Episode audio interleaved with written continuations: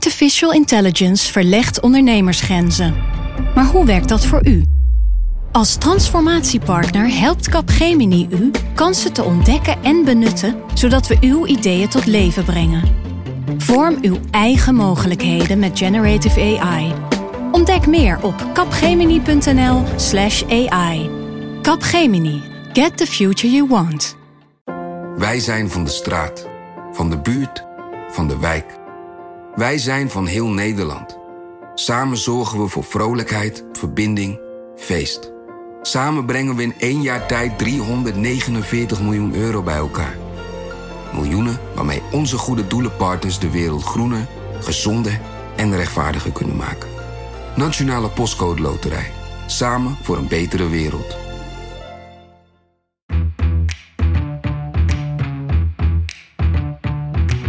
Dit is Haagse Zaken. Mijn naam is Lemia Aharwai.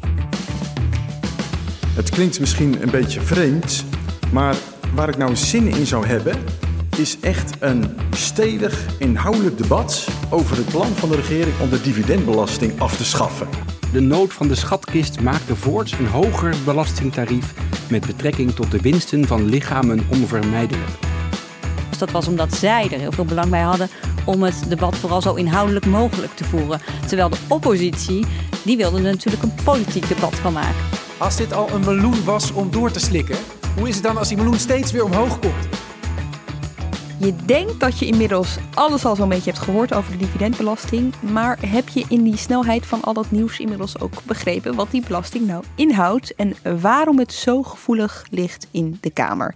Niet iedereen in elk geval. Een aantal van jullie die mailden de afgelopen tijd naar podcast.nrc.nl met de vraag of we hier eens een uitzending eh, aan kunnen wijden. En dat doen we hierbij dus. Een hele Haagse zaken over dividendbelasting. Of, zoals het ook wel genoemd wordt. Als dit al een meloen was om door te slikken, op zich al niet zo'n prettige uh, beeldspraak. Hoe is het dan als die meloen steeds weer omhoog komt?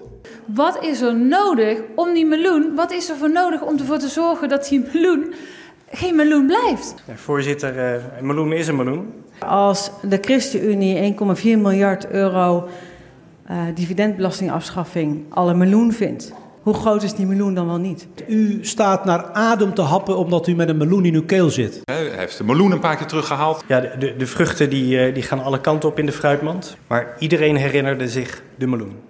Barbara Rijlersdam, Filip de Wit-Wijnen. Jullie gaan het ons uh, allemaal uitleggen. Of uh, om maar in de thematiek te blijven, we gaan die meloen even in partjes snijden. En daarvoor beginnen we bij het begin, Filip. Want wanneer ontstond het idee voor een dividendbelasting? In Nederland is dividendbelasting een eeuw oud. We vieren eigenlijk het 100-jarige bestaan van de dividendbelasting. In 1918 is de wet op de dividend- en tantième-belasting ingevoerd. Met een uh, vrij laag tarief, toen nog 5 procent. Uh, in de oorlogsjaren, Tweede Wereldoorlog, is die dividendbelasting opgehoogd. Uh, op gezag van de toenmalige NSB-secretaris-generaal Meindert Ros van Tonningen. Die had geld nodig voor de Duitse oorlogvoering. En de, de, schatkist was leeg, dus hij schreef in een brief aan de Kamer... de nood van de schatkist maakte voorts een hoger belastingtarief... met betrekking tot de winsten van lichamen onvermijdelijk. Um, Kon was, iemand daar nog een beetje tegenin gaan toen de tijd? Of was het gewoon van, doen we meneer? Dat was een uh, oekase in die tijd, want toen was het parlement al buitenspel gezet. Uh, in de jaren 60 werd uh, op democratische wijze de wet op de dividendbelasting ingevoerd... zoals we die nu kennen. wel tegen een hoger tarief, 25% was het toen... En uh, die is tien jaar geleden verlaagd tot 15 procent. En daar gaat het nu over. Uh, die dividendbelasting die het kabinet Rutte 3 wil afschaffen. Aan de orde is het afleggen van de regeringsverklaring door de minister-president. Onze parlementaire geschiedenis leert dat de bereidheid tot overleg en het sluiten van compromissen ons land steeds veel goeds brengt. Het is goed om te debatteren over de afschaffing van de dividendbelasting. Maar laten we het dan ook hebben over de brievenbusfirma's die we tegelijkertijd aanpakken. We maken Nederland aantrekkelijker voor bedrijven die echt iets toevoegen aan onze economie en werkgelegenheid. En onaantrekkelijker voor bedrijven die alleen maar in slimme boekhoudkundige constructies zijn geïnteresseerd. En het zou natuurlijk zonde zijn die samenhang uit het oog te verliezen. Goed, oké. We gaan proberen uit te leggen wat dividendbelasting is. Want in het kort zou je kunnen zeggen: het is een belasting op de winstuitkering van bedrijven aan hun aandeelhouders. Dat klopt. Maar in principe zegt dat me nog steeds heel weinig. Oké. Dus stel, ik ben aandeelhouder van Shell. Dan heb jij geluk, want Shell is een groot en winstgevend bedrijf. Ik heb die cijfers niet in mijn, eh, in mijn hoofd, maar uh, als je één aandeel Shell hebt, dan keert Shell per jaar de laatste jaren 1,60 euro uit aan de aandeelhouders. Bedrijven die uh, kapitaal hebben opgehaald bij beleggers, bij uh, externe aandeelhouders, die vinden dat een deel van hun winst, waar ze allemaal hard voor werken, ten goede komt aan de kapitaalverschaffers, aan de aandeelhouders. Dus elke mede-eigenaar, elke aandeelhouder heeft recht op een deel van de winst. En het bestuur van de onderneming die bepaalt welk percentage wordt uitgekeerd elk jaar. Shell is er heel ruimhartig in. Dus dat heet echt een dividendaandeel te zijn. En het is een heel groot bedrijf. Dus uh, de dividenduitkeringen zijn daar ruim en riant. Dus een aandeelhouder profiteert mee van de winstgevendheid van, uh, van Shell in dit Mhm. geval. En dat wordt belast, dat bedrag. Ja, in Nederland is dat dus belast uh, tegen 15% Maar het is ingewikkeld. Uh, Shell dient op al die uitkeringen van dividend aan uh, haar aandeelhouders 15% in te houden en aan de Nederlandse Belastingdienst uh, over te maken. Maar een Nederlandse aandeelhouder die betaalt ook, omdat hij werkt of een bedrijf heeft, die betaalt ook andere belastingen. Die betaalt inkomstenbelasting op het inkomen of die betaalt vennootschapsbelasting als hij een eigen bedrijf heeft waar ook weer winst uitkomt. En met deze twee zeg maar, basisbelastingen uh, is die dividendbelasting te, te verrekenen. Dus die 15% die Shell inhoudt, die mag die aandeelhouder individueel terugvragen, terugvorderen bij de Belastingdienst door het te verrekenen met de twee andere of de andere belasting die die verschuldigd is. Waar blijft dat geld dan uiteindelijk? Het geld dat de Belastingdienst krijgt van Shell? Ja. In, in totaal begroot uh, Financiën de bruto-inkomsten van de dividendbelasting op ongeveer 3,2 miljard. En ongeveer kleine 60% daarvan vloeit weer terug middels die verrekening aan uh, Nederlandse beleggers.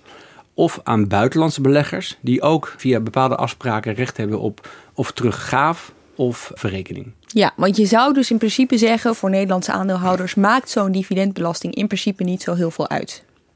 Ze krijgen nee. het via een andere Je moet het wel opgeven bij je aangifte, maar wordt, wat je verschuldigd bent aan dividendbelasting kun je verrekenen met het bedrag dat je verschuldigd bent aan uh, inkomstenbelasting. Dus per saldo betaalt een Nederlandse aandeelhouder van Shell geen dividendbelasting. Maar Shell heeft niet alleen maar Nederlandse Nee, aandeelhouders. Dat is het punt. Shell is natuurlijk een grote multinational, beursgenoteerd in Amsterdam, maar ook in Londen. Heeft ontzettend veel aandeelhouders, dat allereerst. En verreweg het grootste deel, ik meen zelfs 90% of meer, dat komt uit het buitenland. Er zijn geen Nederlandse beleggers. Uh, voor de hele uh, Amsterdamse effectenbeurs geldt dat ruim 80% van de aandeelhouders uit het buitenland komen. Dus, dus eigenlijk is het een internationaal buitenlands probleem. Maar die verrekening die voor Nederland geldt, die geldt ook voor landen, wat ik net vertelde, waar Nederland een belastingverdrag mee heeft. Bijvoorbeeld binnen de EU. Uh, en die mensen, uh, die beleggers, die kunnen dat dan weer verrekenen met hun eigen belastingdienst in dat land. Dus als een, als een, uh, even een voorbeeldje, als een belegger uit Frankrijk een aandeel Shell heeft en hij krijgt een uitkering, die winstuitkering, houdt Shell houdt daar 15% op in, betaalt Shell aan de Nederlandse Belastingdienst. Maar die Franse belegger kan dat terugvorderen bij zijn eigen nationale belastingdienst in Parijs. Hoeveel levert dit Nederland uiteindelijk op?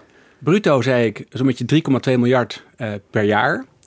Uh, via de verrekening en teruggaaf blijft daar volgens de begroting 1,4 miljard van over. Ja, en dat is het kernbedrag waar het nu dus de hele tijd over Dat is wat gaat. de financiën en ook het, uh, in het regeerakkoord re rekening mee is gehouden. Als die dividendbelasting wordt afgeschaft, uh, voornemens straks in 2020, dan zou dat 1,4 miljard per jaar schelen aan inkomsten voor de staat. En waarom wil een bedrijf als Shell hier nou zo ongelooflijk graag vanaf?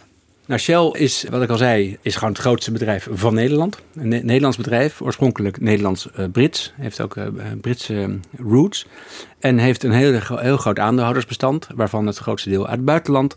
Nederlandse beleggers betalen per saldo geen dividendbelasting, maar heel veel van die buitenlandse beleggers nog wel. Afgezien van al die landen waar Nederland een belastingverdrag mee heeft. En afspraken heeft gemaakt over verrekening. Dus voor Shell is hoe dan ook is dat een heel groot probleem voor een grote groep buitenlandse beleggers die buiten die vrijstelling vallen. En Shell, ik heb het proberen terug te rekenen, van de 1,4 miljard aan belastinginkomsten uit de dividendbelasting, neemt Shell samen met Unilever, dat andere bedrijf wat veel wordt genoemd in dit dossier, die twee bedrijven nemen samen ongeveer 600 miljoen daarvan voor een rekening. Wauw. Dus dat, die zorgen echt voor, de, voor het gros van de inkomsten aan dividendbelasting. Het lijkt me ook gewoon een heel ingewikkeld probleem voor Shell. In de zin van hoe groot is de afdeling wel niet van mensen die hier mee bezig is? Ja, dat weet ik niet. Ik, ik, denk dat de tax desk of de dividend desk, ik weet niet hoe het heet, uh, vrij groot is bij Shell. Die moeten zorgen dat die aandeelhouders krijgen uitgekeerd. En, en, moeten inhouden en naar de belastingdienst moeten overmaken. Die zullen ook service bieden aan beleggers om het te kunnen terugvorderen. Um, het is ingewikkeld voor die beleggers. Die moeten dat organiseren met hun eigen belastingdiensten in hun eigen land. Het is een relatief kleine belasting. 1,4 miljard is niet zoveel op het totaal in Nederland wat er binnenkomt. Dat is, uh, dat is bijna 300 miljoen. Uh, miljard. miljard. Miljard, heel goed Barbara, dankjewel. um, uh, maar het is een relatief een ingewikkelde, uh, administratief lastige belasting om, uh, om te organiseren. Dat is ook een van de argumenten om hem dan maar af te schaffen. Ja, en dus dacht Shell, wij gaan ervoor zorgen dat dit gaat lukken. We gaan er in ieder geval voor lobbyen. Uh, hoe lang zijn ze daar al mee bezig? Um, kijk, bedrijven, net als gewone mensen, die betalen zo min mogelijk belasting. Dus als het even kan, dan willen ze hun invloed uh, laten gelden om belastingen, zo, belastingdruk zo laag mogelijk te laten zijn. Daar huren ze dure fiscalisten voor in, enerzijds om de belastingaangifte elk jaar optimaal, dat wil zeggen minimaal te, te laten zijn. Maar ze hebben ook hun wegen, hun contacten in, uh, in de politiek om beleid te veranderen. En wat we weten is dat de druk op Den Haag de Haagse beleidsbepalers uh, van, vanuit Shell in 2004 zo'n beetje is begonnen. De recente druk op dit dossier. Omdat in 2004 Shell een uh, soort aandelenfusie heeft gekend van het Britse bedrijf en het Nederlandse bedrijf. Waarbij Shell heeft gekozen met het hoofdkantoor voor Den Haag. Wat een grote overwinning was voor Nederland. Want anders zou Shell naar Londen zijn gegaan. En dan waren we zo'n groot hoofdkantoor kwijt geweest. Dat is niet goed voor de, de uitstraling van een land. Want qua banen valt het best wel mee, toch? Op zo'n hoofdkantoor? Ik geloof dat er iets van 3000 mensen werken op het hoofdkantoor in Den Haag. Dat is relatief weinig voor zo'n enorm groot concern. Maar er komt eh, ook veel bekijken aan secundaire werkgelegenheid. Mensen die daar de broodjes uh, bezorgen, hotelovernachtingen, dat soort zaken. Mm -hmm. uh, schoonmakers. Zo'n kantoor zorgt gewoon voor bedrijvigheid. Maar het is ook vooral uitstraling. Als Shell mm -hmm. zou vertrekken uit Nederland, dan zou dat pijn doen aan de naam van, van Nederland als een gunstig land om je te vestigen. Maar ze hebben gekozen voor Nederland, wat, uh, wat goed was. En ze hebben toen gesproken met uh, Nederlandse politiek. Toen was uh, minister van Financiën was Gerrit Zalm. Um, VVD? VVD, precies. We kennen hem nog van vorig jaar toen hij informateur was. Um, en het verhaal gaat dat daar afspraken zijn gemaakt over onder andere de dividendbelasting. En wie was eigenlijk de minister van Financiën toen de Belastingdienst in oktober 2004 een deal sloot met Shell? Dat was de VVD'er Gerrit Salm. En wie werd enkele jaren later beloond met een vet betaalde baan bij Shell? Dat was diezelfde VVD'er Gerrit Salm. En wie was in één keer de informateur van het kabinet Rutte 3, waar premier Rutte plots een afschaffing van de dividendbelasting uit de hoge hoed toverde? Opnieuw de VVD'er Gerrit Salm. Het, eerste bericht of gerucht van vorig jaar was... oh, die dividendbelasting die nu wordt afgeschaft... is een oude belofte van minister Gerrit Salm toen aan Shell... die nooit is uitgekomen, die wordt nu even goed gemaakt. Uh, het is iets ingewikkelder dan dat, want we hebben nu sinds uh, een publicatie in Trouw... twee weken geleden weten we dat er in, in 2004 een belastingakkoord uh, is gesloten... tussen Shell en de Nederlandse Belastingdienst... om op een gunstige manier om te gaan met de dividendbelasting voor de oorspronkelijk Britse aandeelhouders. Dit weekend bleek nog dat Shell een deal heeft... zodat Britse aandeelhouders geen dividendbelasting hoeven te betalen. Elke keer dat zo'n ruling uitlekt, is het hommeles. Want er zijn dus regels. Maar die regels gelden niet voor iedereen. Zeker niet als je een grote multinational bent. Ja, je had twee moederbedrijven. Ja. Het Britse Shell en het Nederlandse Shell. Er waren eigenlijk twee entiteiten. De Britse aandeelhouders kregen Brits dividend waarvoor geen dividendbelasting voor hoeft te worden betaald. Want er is geen dividendbelasting in het Verenigd Koninkrijk. En in Nederland is dat 15% Toen het één bedrijf werd, was in principe waren alle aandeelhouders, of ze nou Brits waren of Nederlands, of uit een ander land kwamen, waren die 15% Nederlandse dividendbelasting schuldig voor dat Nederlands dividend wat het vanuit Den Haag wordt uitgekeerd. Er is toen een constructie afgesproken met de Belastingdienst in Nederland dat het oorspronkelijk Britse aandeel, dat werd ook een apart aandeel, het aandeel B, werd het dividend daarvan werd uitgekeerd via een belastingparadijsje in, de kanaal, uh, in het kanaal, het uh, eiland Jersey. En die constructie die is goedgekeurd door de Nederlandse Belastingdienst. Met als gevolg dat uh, het Nederlands dividend voor Britse aandeelhouders, oorspronkelijk Britse aandeelhouders, als Brits dividend werd gezien en dus vrij werd gesteld van, van belasting. Oké, daar Maar goed, dus, uh, dan, dan, vraag je je af, dus Nederlandse beleggers betalen al geen dividendbelasting. Deze Britse uh, aandeelhouders ook niet. Waarom gaat Shell dan aandringen op ja, het afschaffen? Ze hebben dan ook nog al die andere aandeelhouders uit andere landen die wel die belasting verschuldigd zijn. Dus Shell wil er gewoon van af. Het is een ingewikkeld. Het maakt het aandeel onaantrekkelijk voor buitenlandse kapitaalverschaffers. Dat is het grote argument. En het gaat om in geval van Shell ook om grote bedragen. En Shell is niet de enige, want we horen inderdaad steeds Shell, we horen Unilever, maar dit geldt dus eigenlijk voor alle beursgenoteerde bedrijven. Ja, met internationale aandeelhouders hebben daar last van. Ja. Althans, de aandeelhouders en de administratieve rompslomp. Maar kijk, en Unilever dook dit jaar ook op als een van de pleitbezorgers voor deze maatregel. Deze belasting graag afschaffen, meneer Rutte. Want Unilever die heeft eigenlijk hetzelfde proces als Shell in 2004 had. Uh, namelijk, die willen ook van twee hoofdkantoren, Londen en Rotterdam, willen ze één hoofdkantoor maken. Dus die moesten ook uh, een keuze maken voor Nederland of Groot-Brittannië. Of een ander land. En in uh, Groot-Brittannië is uh, die dividendbelasting bestaat niet. Dus ze wilden ook in Nederland dan niet aan die 15% vastzitten. Unilever heeft ook aangedrongen bij toenmalig staatssecretaris Wiebes. Vorig jaar was hij nog staatssecretaris van Financiën. Om die dividendbelasting af te schaffen. En dat speelde net in de tijd ook van de kabinetsformatie. Dus de boodschap van Unilever die ja. landde ook op de tafel van de formateur. Maar ja, aangedrongen, aangedrongen. Dit is een soort van chantagemateriaal, toch? Zo van, oh, het, Chantage, zou wel, het zou wel heel jammer zijn als wij uit Nederland zouden vertrekken. Chantage vind ik een groot woord. Uh, het is evident dat Unilever contact heeft gehad met Wiebes. En Wiebes heeft een uh, memo, beroemd memo geschreven, berucht memo, een VVD-memo, dat uh, bij, de, bij de formatie is gebruikt door Rutte. Bij zijn mede-onderhandelaars. En nou goed, het gevolg weten we ook, of het resultaat. Op 10 oktober bij het regeerakkoord bleek, geloof maatregel 154, dat de dividendbelasting wordt afgeschaft. Ja. Per 2020. Is er ooit berekend wat het Nederland zou kosten als zo'n Unilever of Shell weg zou gaan en of dat opweegt tegen die 1,4 miljard? Nou, het argument, het hoofdargument dat Rutte en het hele kabinet gebruikt is: het is goed voor de economie als de dividendbelasting wordt afgeschaft, want dan blijven dit soort uh, bedrijven blijven in Nederland. Andere bedrijven zullen misschien zich gaan vestigen hier en zullen in ieder geval geen hoofdkantoren uh, verdwijnen. Dat is goed voor de economie. Niet alleen zijn deze bedrijven verantwoordelijk voor een enorm groot deel van onze werkgelegenheid in de vrije sector. Ze zijn ook verantwoordelijk indirect voor heel veel banen van toeleverende bedrijven in het midden- en kleinbedrijf. Fijn bericht, zegt dan de oppositie en zeggen de critici, maar hoeveel levert dat dan op? En dat is moeilijk te becijferen. Shell heeft wel eens uh, in een uh, boodschap aan de Tweede Kamer uitgelegd hoeveel indirecte werkgelegenheid ermee gemoeid is, wat ik net vertelde. De, de cateraars, uh, de taxichauffeurs en de hotelbazen in Den Haag die profiteren van de aanwezigheid van een hoofdkantoor, maar het is niet te kwantificeren. Het Centraal Planbureau heeft er naar gekeken, maar die heeft gezegd, na het regeerakkoord, er is geen empirisch bewijs, dat betekent wetenschappelijk bewijs, dat die dividendbelasting afschaffen uh, goed is voor de economie of dat het gunstige gevolgen heeft.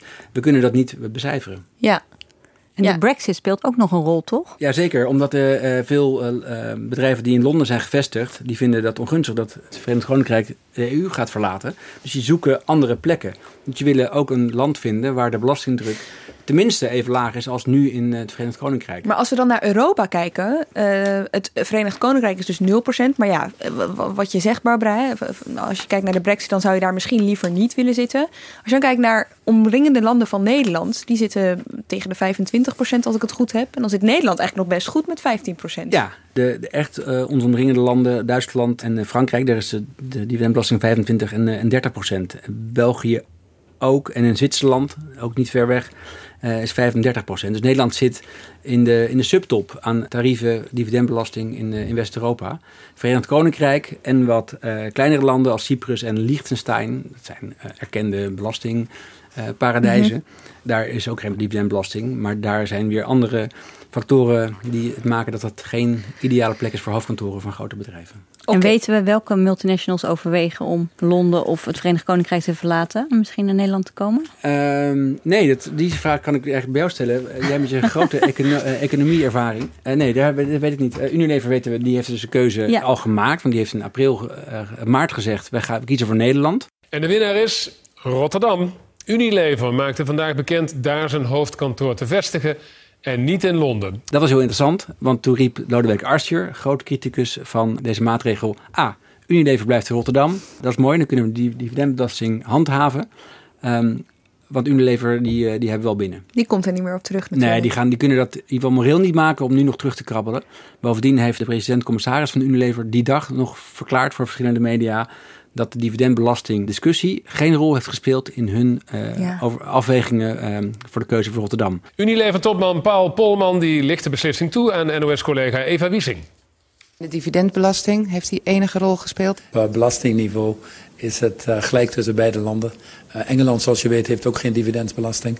Uh, zo op dat niveau is het geen verschil. Maar als Nederland die dividendbelasting niet had afgeschaft, dan was er wel een verschil geweest? Wel, we zijn hier niet om te speculeren. Dat is voor de politici om te beslissen, niet voor mij. Wat ik niet geloof, want uit de, de, de beroemde opgedoken memo's over de dividendbelasting en de formatie, daar bleek wel degelijk dat de discussie van Unilever een rol speelde. En ook um, het punt van de dividendbelasting. Ja, oké, okay, resumerend. Hebben we dus eigenlijk een maatregel die 1,4 miljard kost aan de Nederlandse staat, waarvan niemand weet of het bewezen effect heeft of niet.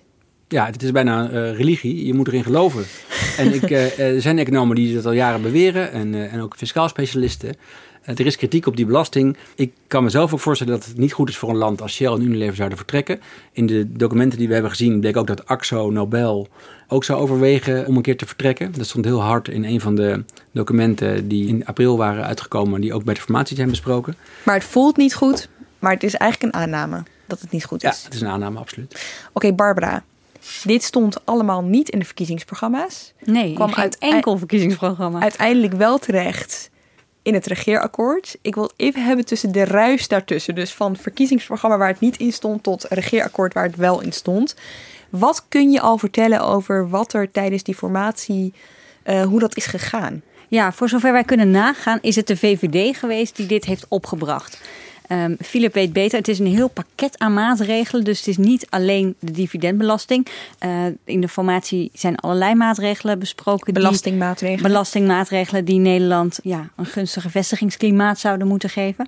Um, maar de VVD kwam hiermee en er is flink over gediscussieerd. Want ja, er waren dus vier partijen aan het praten om tot een regeerakkoord te komen. Dat waren VVD, CDA, D66 en ChristenUnie. En met name die laatste twee, die zagen dit helemaal niet zitten. CDA heeft ooit bewindspersonen gehad die hier wel voorstander van waren. Joop Wijn en Jan Kees de Jager. Um, en die waren best te porren voor die maatregelen om het vestigingsklimaat te verbeteren. Alleen D66 en ChristenUnie vonden het een, uh, ja, een bittere pil. Ja, de, de, naam Joop Wijn, hij was staatssecretaris in 2002, die valt ook best wel vaak in dit verhaal. Ja, dat was omdat hij destijds staatssecretaris was van Financiën, dus over de belastingzaken ging. Zalm heeft destijds, denk ik, denken we, gesproken met, uh, met Shell over uh, de keuze van Shell voor Den Haag. En ik denk dat het fiscale gedeelte van die discussie bij de staatssecretaris is beland. En Joop Wijn heeft in 2006 in de Tweede Kamer uh, aangekondigd om de dividendbelasting te verlagen. En waarbij hij wel al riep, in de toekomst zullen we hem ook afschaffen. Er is geen toekomst meer voor de dividendbelasting, letterlijk. En op basis daarvan, uh, of daarop baseren bedrijven als Shell en Unilever zich van, nou ja, die zal ooit uh, verdwijnen, die dividendbelasting. Alleen toen kwam er een probleem, toen kwam de financiële crisis op. Uh, toen werd het lasten vooral verhoogd, BTW ging omhoog, daar hadden, hadden, burgers veel last van en ook andere bedrijven. Het was een beetje merkwaardig om dan in, ja. in die periode de dividendbelasting helemaal af te schaffen. En nu uh, denkt men, de economie draait weer, dus we kunnen deze maatregel nu al nemen. Tenminste, dat denken ze onder andere bij de VVD, denken ze bij het CDA. Maar er zitten ook twee partijen in deze coalitie die er wat minder blij mee zijn. Ja, nou ja, uiteindelijk hebben ze natuurlijk hun handtekening gezet. Iedereen haalt bij de uh, onderhandelingen zijn eigen punten binnen. Dus daar schermen ze ook altijd mee. Uh, dan wordt er gezegd, nou ja, wij hebben ook onze punten binnengesleept. Dus dit is een compromis. Daar ja. hebben we mee ingestemd en daar staan we achter. Maar je merkt toch wel uh, langzamerhand dat ze hun afkeer ja, steeds meer laten blijken. En, en ook openlijk uitspreken. Dat gebeurde deze week ook bij het debat. Heb je het gevoel dat deze maatregel toch nog kan worden ingetrokken? Wat, waar, de, waar de oppositie zo op hamert en waarvan je nu zegt... dat sommige coalitiepartijen er niet zo blij mee zijn... En ook beginnen te morren. Als dat zo is, zie je het dan nog van de baan gaan? Ja, ik heb mensen gesproken hierover die zeggen... het zal echt van Rutte en Buma moeten komen. Dus van de VVD-leider en de CDA-leider. D66 en ChristenUnie gaan niks doen, geen enkele moeite doen... om, om deze maatregel alsnog van tafel te krijgen. Want zij hebben hun pijn al genomen. Ik zei er straks al, hè, je, je zet je handtekening onder het geheel. Daar zitten ook dingen bij waar je eigenlijk helemaal geen fan van bent... maar daar moet je mee, mee akkoord gaan. En dat heeft uh, met name de ChristenUnie heel duidelijk uitgelegd aan de achterban. Ja, er was begin juni een partijcongres van de ChristenUnie. En toen heeft Gert-Jan Segers het inderdaad ook over deze uh, maatregel gehad. Beste mensen, regeren is niet alle dagen feest. Soms moet je bij een stemming even je neus dichtknijpen, omdat we nou eenmaal compromis hebben gesloten. Soms moeten we een meloen doorslikken, omdat we onze coalitiegenoten ons woord hebben gegeven. Ja, hier komt de oorsprong van de meloen dus eigenlijk. Nee, nee, uh, nee, nee, nee, dat oh. was Eppo Bruins, Tweede bij, Kamerlid voor ja, de Bij een van de eerste debatten hierover, en er was een fiscaal debat met staatssecretaris Menno Snel, op 30 oktober 2017, dus uh, 20 dagen na uh, het regeerakkoord. En uh, na het eerste debat eigenlijk erover, uh, over de regeringsverklaring. Toen maar, begon hij over de meloen. Apple Bruins, een uh, Kamerlid waar weinig mensen van hadden gehoord... is sindsdien wereldberoemd in het, aan het Binnenhof met deze uitspraak. Ja, en Segers had het dus duidelijk liever niet gehad. Daar is hij heel duidelijk in. Oké, okay, hoe doet een partij als D66 dit? Nou, D66 leed aanvankelijk meer in stilte. Dus waar de ChristenUnie vrij nadrukkelijk vertelde... Dat klinkt heel dramatisch de, over de meloen en, en alle pijn die hiermee gepaard ging... bleef het bij D66 D66 stil. Die uh, nou ja, hadden uh, hun handtekening gezet en daar bleven ze keurig bij. Maar inmiddels hoor je toch steeds meer gemor onder D66'ers. En dat is niet heel openlijk, niet in de media, niet Alexander Pechtold zelf. Maar als je hier op het Binnenhof rondloopt en met D66'ers praat, dan zeggen ze steeds vaker... Ja, ons idee was het niet. Wij hebben dit niet bedacht. Met andere woorden, Rutte zoek het zelf maar uit. Ja. Jij mag alle kritiek ja. pareren. Ik denk dat het nog reden is, behalve de inhoudelijke argumenten voor en tegen, die kun je allemaal bedenken over het vestigingsklimaat, over eerlijke belasting, concurrentie met andere landen. Er is toch een reden, denk ik, waardoor het gemor zo groot wordt, ook misschien wel bij de coalitie, maar in ieder geval bij de oppositie, is de ontzettend onhandige wijze waarop Rutte dit heeft verdedigd vanaf het begin. Hij heeft het nooit echt willen uitleggen. Hij heeft één algemeen argument gebruikt en wilde niet verklaren hoe hij daartoe gekomen was. Wie hem dat heeft verteld. Die geheimzinnigheid, die deken van geheimzinnigheid heeft hem heel veel schade toe, uh, berokkend. Want uh, steeds komen er dan weer dingen op in de media of via WOP-verzoeken. En dan blijkt toch Unilever dit te hebben gezegd en Shell dat. Nou, je hebt zelf zo'n WOP-verzoek natuurlijk ingediend. Ja, mijn collega Jorg Leijten heeft een WOP-verzoek over de, de keuze van Unilever voor het hoofdkantoor in Rotterdam. Uh, daar kregen we na weken aandringen en wachten, procedureel wachten, kregen we de, wat documenten twee weken geleden. En dat was een interessant pakketje. Je zag in ieder geval dat er heel veel contact was tussen Unilever en het ministerie van Economische Zaken. Weer meneer Wiebes. En, daar, en daarvoor nog minister Kamp. Uh, maar is, dat dan, is, dat dan, is dat dan echt de CEO van zo'n bedrijf ja. die direct contact heeft met... Meneer de... Polman, die, uh, die heeft uh, de, het mobiele nummer van de minister, lijkt mij. Of dat gaat via het secretaresses, maar die maakt afspraken en die komt daar langs. Staat niet op de openbare agendas van de minister, maar hij komt daar praten.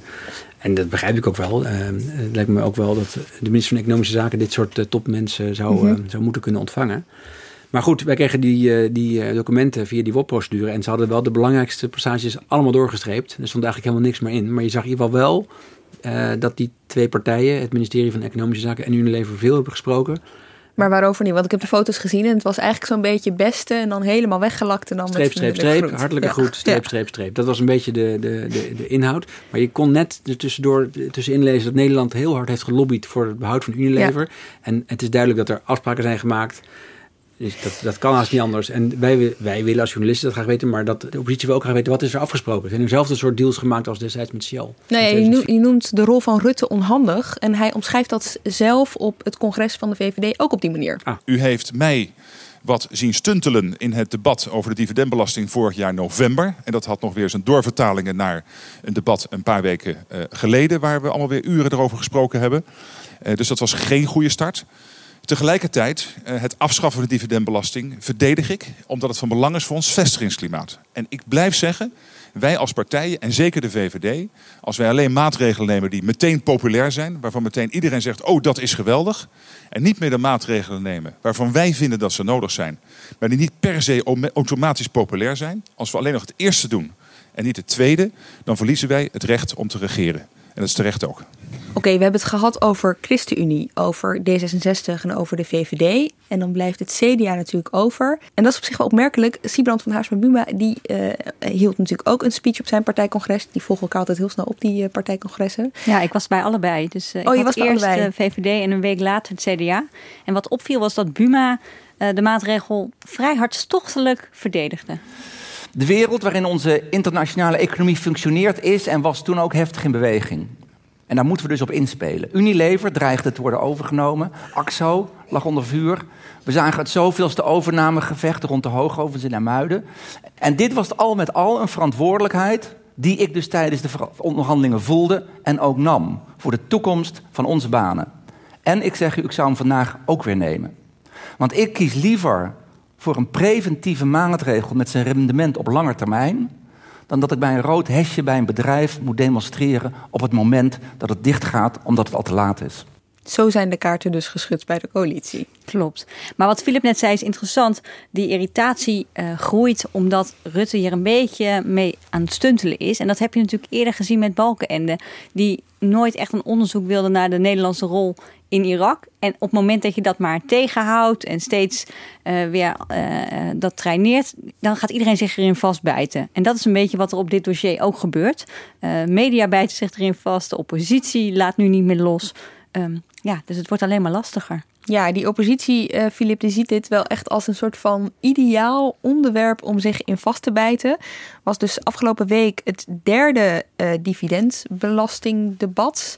Tenminste, Officieel. Het, het derde exclusieve ja. dividendbelastingdebat, want het komt steeds overal terug. Ja. Met de premier. Um, laat ik beginnen met de vraag: waarom is dit zo'n goed onderwerp voor ze om zich in vast te bijten? Nou, dat zie je altijd bij, ook bij Prinsjesdag, bij begrotingen voor, uh, voor, het, voor het jaar erop of bij regeerakkoord helemaal. Dan, dan komt dat uit en dan zitten, er uh, honderden maatregelen in. En het kost allemaal geld of het levert geld op. En dan zie je de oppositie altijd zoeken naar waar gaan we op schieten. En GroenLinks begon eigenlijk op de btw-verhoging, het lage btw-tarief, op de boodschappen zeggen ze dan heel populistisch erbij. Die gaat omhoog van 6 naar 9 procent. En dat is een, een schande, want uh, onze boodschappen worden duurder. Ja, het is gewoon niet eerlijk dat de BTW wordt verhoogd. Super dat de boodschappen duurder worden, uh, dat het treinkaartje duurder wordt. En tegelijkertijd zie je dat de grote multinationals miljarden aan belastingverlaging krijgen. Dat moet stoppen en daarom beginnen we samen maatschappelijke actie. En ze hebben daar een uh, petitie voor gestart online met allerlei andere uh, belangengroeperingen. En, uh, maar daar hoor je ze helemaal niet meer over. Daar hoor je ze niet meer over. Op een gegeven moment hadden ze beet. Ze hebben natuurlijk van alles geprobeerd, maar BTW was de eerste, eerste strijdpunt. En het werd op een gegeven moment dividendbelasting. En dat kwam, denk ik, in de loop van de weken na de presentatie van het kabinet. Door de onhandige uitleg, door uh, de, het kaart op de borst houden. Um, want over die btw-maatregel, die stond ook in geen enkel uh, verkiezingsprogramma, maar die is nog wel economisch uit te leggen. Daar hebben economen van gezegd dat is een verschuiving van belasting op uh, consumptie wordt hoger, dat is gunstig. En, je kan een logisch rekensommetje maken. De arbeid gaat omlaag, ja. dat gebeurt namelijk ook. Ja. Maar die dividendbelasting was echt moeilijk uit te leggen en dat wilden ze ook niet uitleggen. Dus dat werd een dankbare kluif voor de oppositie om in te bijten. En wat is de kern van de kritiek? Eigenlijk worden die twee dingen aan elkaar geknoopt. Uh, aandeelhouders uit het buitenland krijgen een cadeautje van 1,4 miljard. Dat inmiddels opgelopen is naar 1,5, 1,6 miljard. Want we hebben wat meevallers in dat dossier. Uh, en de boodschappen worden duurder. Dus het is heel uh, simpel uit te leggen. Het is niet uit te leggen, maar hun kritiek is uit te leggen. Het groot kapitaal krijgt een cadeautje van Rutte 3. En uh, de, de hardwerkende Nederlanders die boodschappen doen bij de Albert Heijn, die moeten meer betalen. Ja, en dan was dat debat dus afgelopen week. Vertel, vertel eens hoe dat ging. Hoe gaat zo'n debat? Nou ja, er werd steeds wel een thema bij uitgezocht. In november was er nog een algemeen debat over deze maatregel. In april was er gedoe over die dividendmemo's. Die was ook gewopt, ook door een hoogleraar die deze maand weer in het nieuws was. En toen waren de dividendmemo's het onderwerp van gesprek, omdat Rutte daarover had, uh, had gejokt nog in, uh, in november. Dus hij moest weer naar de Kamer komen om dat uit te leggen. En nu ging het specifiek eigenlijk over Shell, want uh, de publicatie in Trouw die maakte uh, melding van die constructie, die op zichzelf niet geheim was, want die heeft Shell altijd gemeld vanaf 2004 in het jaarverslag. En dat was weer die hoogleraar. Maar die hoogleraar had daarvan gezegd, die had hem bestudeerd, die had gezegd, deze constructie met die belastingontwijking voor, voor Britse aandeelhouders lijkt in strijd met de wet op de dividendbelasting. Uh, de, daar moeten we juridisch onderzoek naar doen. Uh, dus we moeten weten wat er in die afspraak staat. En toen werd die afspraak geheim gehouden, want over afspraken met de individuele belastingbetalers uh, mag je niet praten als overheid. Ja, en dat heb ik Rutte ook afgelopen week heel vaak horen zeggen tijdens dat debat. Hij beriep zich de hele tijd op een artikel uit de wet. De art, artikel 67 van de in AWR. De oh, ja. Je moet heel goed luisteren, maar het komt heel vaak voorbij. Het dus nou AWR of ADR artikel 67 van de AWR, dus de Algemene Wet in Zaken de Rijksbelastingen. En artikel 67 die zegt dat de, uh, de staat die de belastingen int geen informatie naar buiten brengt over de belastingplichtigen. Wat op zich een heel goed, uh, goede afspraak is, want jouw en mijn belastingen zijn geheim, want onze inkomens zijn ook niet openbaar. En wat wij van de belasting betalen, dat hoort tot het privédomein van uh, belastingbetalers, dus privépersonen, maar ook bedrijven. Maar goed, Shell heeft deze afspraak wel bekendgemaakt en bevestigd. Dus het is een beetje potsierlijk dat uh, de overheid dat daar, daar niet eens over wil praten of eh, wil bevestigen dat die uh, afspraak bestaat. Nou, en dan wordt daarover gedebatteerd. Daar zijn jullie dan bij. Dan zitten jullie op de publieke tribune mee te kijken, echt in de zaal. Ja. Um, omschrijf even wat er dan gebeurt. Nou, het debat begon pas vrij laat. Het stond voor kwart voor acht op de planning. Uh, werd uitgesteld tot acht uur.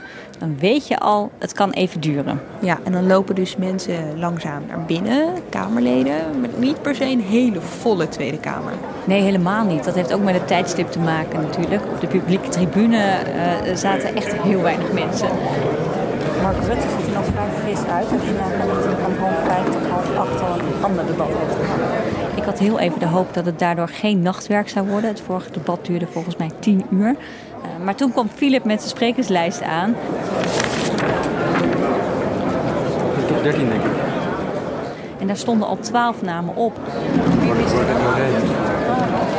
En toen zagen we Thierry Baudet in de zaal zitten, die niet op de sprekerslijst stond. Dus die moest daar ook nog aan worden toegevoegd. Nou, iedere spreker heeft zes minuten, staat daar dan op. Uh, tel daar de interrupties bij op. Dan weet je al, het kan even duren. Wordt nachtwerk. Blijven slapen.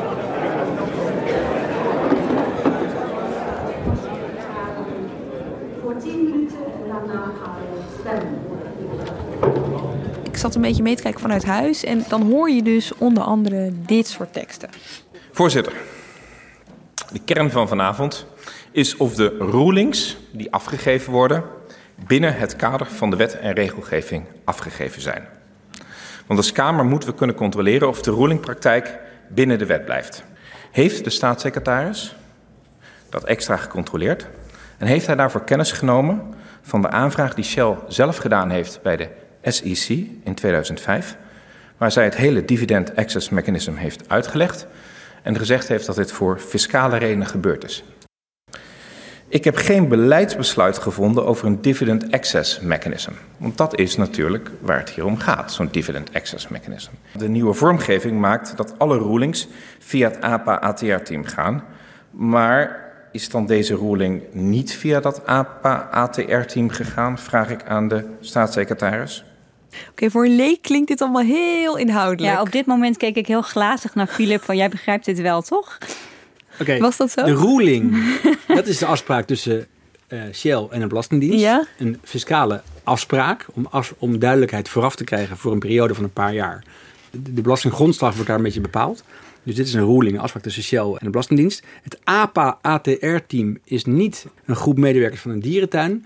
Maar dat zijn belastingambtenaren in Rotterdam die dit soort afspraken, dit soort rulings met grote bedrijven maken.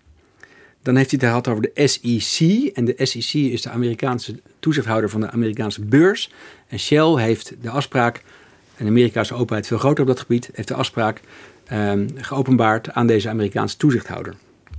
Wat hoorden we nog meer, Barbara? Nou, nee, het dividend access mechanism. Het dividend access mechanism, dat is de constructie waar ik eerder van vertelde via het eiland Jersey.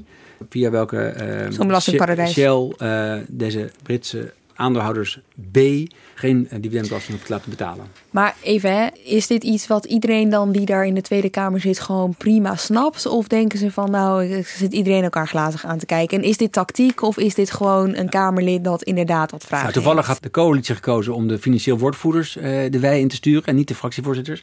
Die financieel woordvoerders, zoals Omtzigt, die kennen deze materie wel. Toevallig. Die, die praten heel lang over belastingbeleid ja. en belastingafspraken. Um, de fractievoorzitters van de oppositie, dus Jesse Klaver, Lodewijk Asscher, Lilian Marijnissen, die hebben er misschien wat minder verstand van van nature, alhoewel Klaver ook financieel woordvoerder is geweest. Maar ze hebben die middag voor het debat hebben ze nog wel een technische briefing gekregen van ambtenaren van Financiën over deze specifieke afspraak met een bedrijf. Want Rutte wil, wil niet zeggen dat het om Shell gaat. En daar hebben ze deze termen ook voorbij uh, zien uh, komen. Dat was achter gesloten deuren. Ja, ik denk dat, uh, dat ze allemaal goed waren voorbereid. Dus dat deze abacadabra op fiscaal gebied voor de meeste eh, deelnemers geen, uh, geen geheimtaal was. Maar toch vermoed ik wel een soort van strategie. Dat zag je ook van tevoren. Um, hè, Philip zegt het al, ze stuurden niet vanuit de coalitie hun fractievoorzitters, maar de financiële woordvoerders. Dat was omdat zij er heel veel belang bij hadden om het debat vooral zo inhoudelijk mogelijk te voeren. Ja. Terwijl de oppositie, die wilde er natuurlijk een politiek debat van maken. En daarom sturen zij hun fractievoorzitters, die misschien iets minder vaak het woord ruling in de mond namen. Overigens, die fractievoorzitters van de coalitiepartijen, die zaten zaten bijna allemaal in de zaal. Er was er eentje heel duidelijk niet. Eentje die ontbrak, Pechtold. Ik heb hem op een gegeven moment gevraagd waar hij was. En hij zei dat hij het debat van zeer nabij volgde. En dat hij kon multitasken.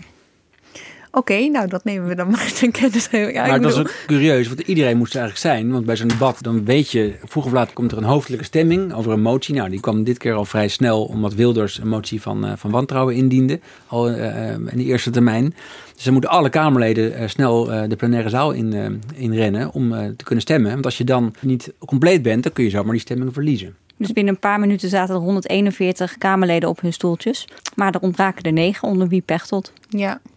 Je zegt eh, net, Barbara, het, is een, het was uiteindelijk ook een politiek debat. Hè. Dat komt natuurlijk omdat die fractievoorzitters er allemaal bij zijn. Dan krijg je op een gegeven moment ook natuurlijk dat het een beetje populistisch wordt. Dat er een beetje ingespeeld wordt op sentimenten. Ja. Luister hier naar Marianne Thieme. En verrassend is het niet. De afgelopen 15 jaar waren er 15 kabinetsleden afkomstig van Shell. Drie bewindslieden van Rutte 3 hebben bij Shell gewerkt en de premier stond op de loonlijst van Unilever. Verrassend is het niet dat de deal met Shell in 2005 onder Gerrit Salm tot stand is gekomen, die sinds 2013 commissaris van Shell is en mede-architect van het regeerakkoord.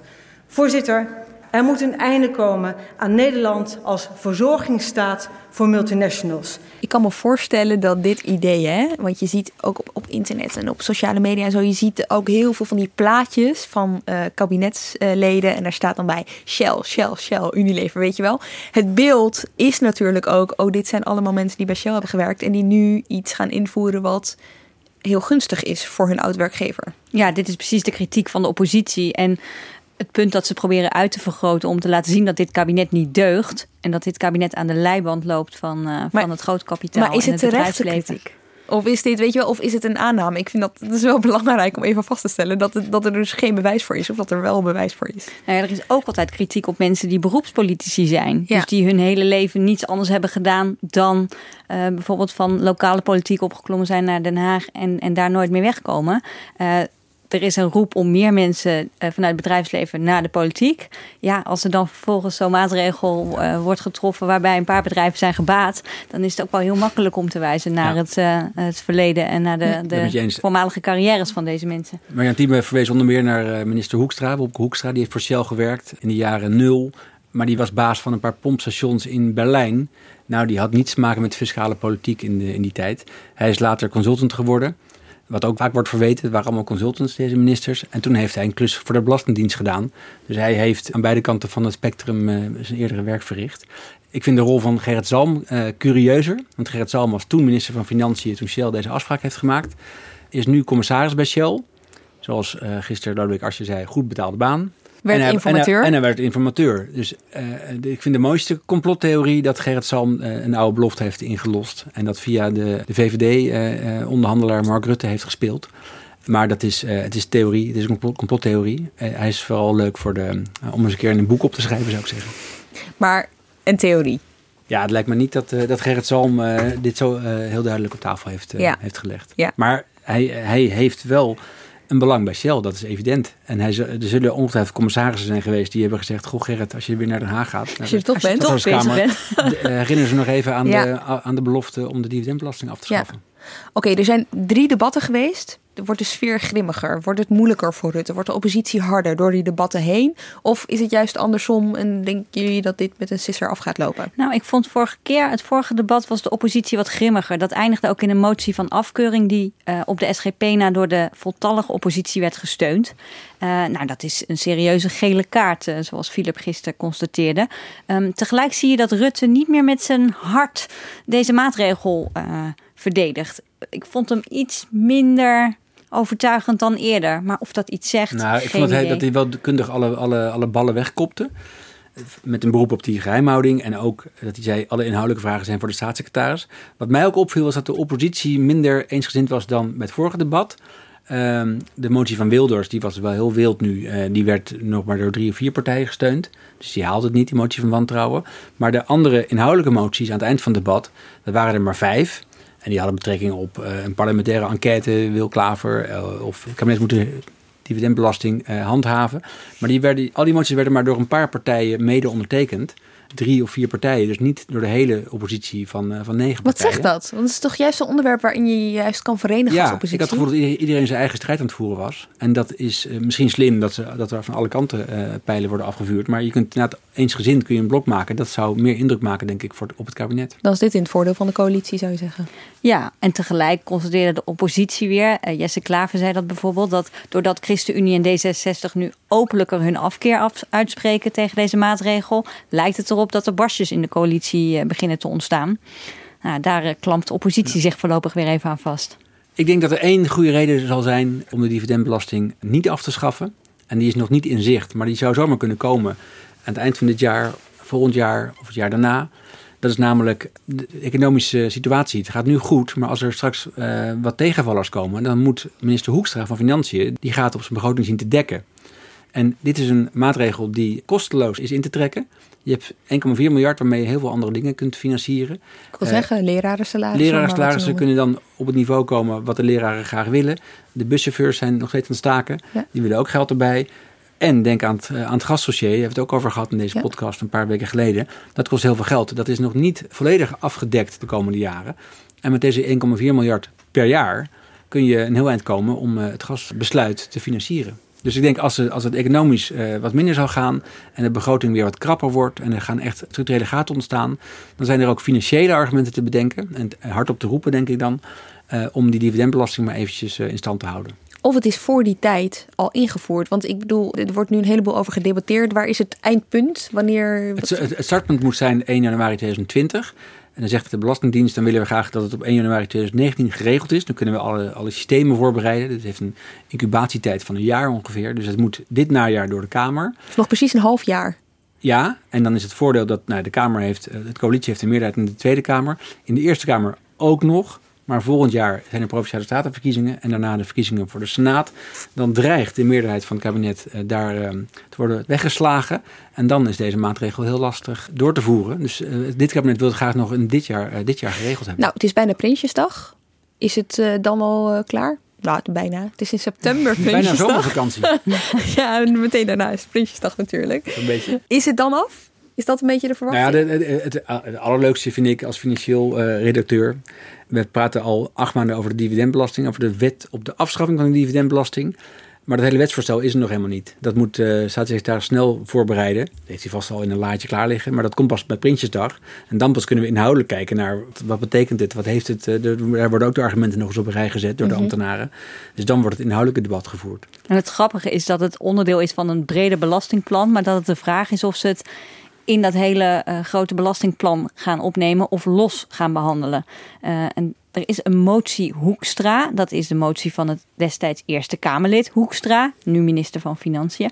En daarin is geconstateerd dat de regering aan dat hele belastingplan een apart wetsvoorstel had gekoppeld. Nou, dat vond Hoekstra destijds niet zo prettig. Want hij zei, ja, dan uh, wordt de Eerste Kamer de mogelijkheid ontnomen om daar een separaat politiek eindoordeel over te vellen.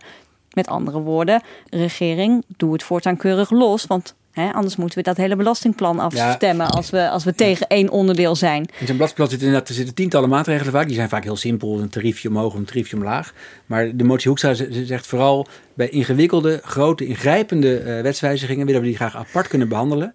Maar als we dat gaan doen, als we zijn motie uitvoeren, dan is het risico op wegstemmen groter dan dat je het in één pakket behandelt. Senator Hoekstra heeft het minister Hoekstra moeilijk gemaakt. Ja, dat ja. Het, uh... hij, hij verzoekt uh, zichzelf zich in het vervolg te onthouden van een dergelijke koppeling, zoals okay. hij het formuleerde. Dus tijdens Prinsjesdag begrijp ik dat jullie heel snel gaan bladeren naar het hoofdstukje belastingen en dan op zoek gaan naar wat ze hiervan hebben gemaakt. Ja, zeker. Oké, okay, dan mogen jullie daarna weer komen vertellen hoe het is geworden, jongens. Dank jullie wel. Ik ben blij dat ik jullie heb om het uh, allemaal uit te leggen. Filip de Wit Wijnen en Barbara Rijlaarsdam. Dank ook voor het luisteren, dat je het 50 minuten hebt volgehouden. Maar nu weet je wel alles over de dividendbelasting. Dat kunnen weinig mensen je uh, nazeggen. Volgende week zijn we er gewoon weer. Zelfde tijd, zelfde plek. Tot dan.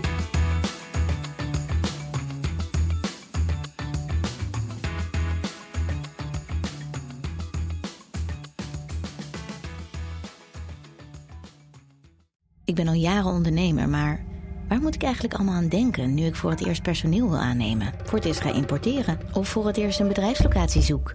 Weet wat je wel of niet moet doen bij zaken die je voor het eerst oppakt. Check kvk.nl voor praktische stappenplannen. KVK, hou vast voor ondernemers.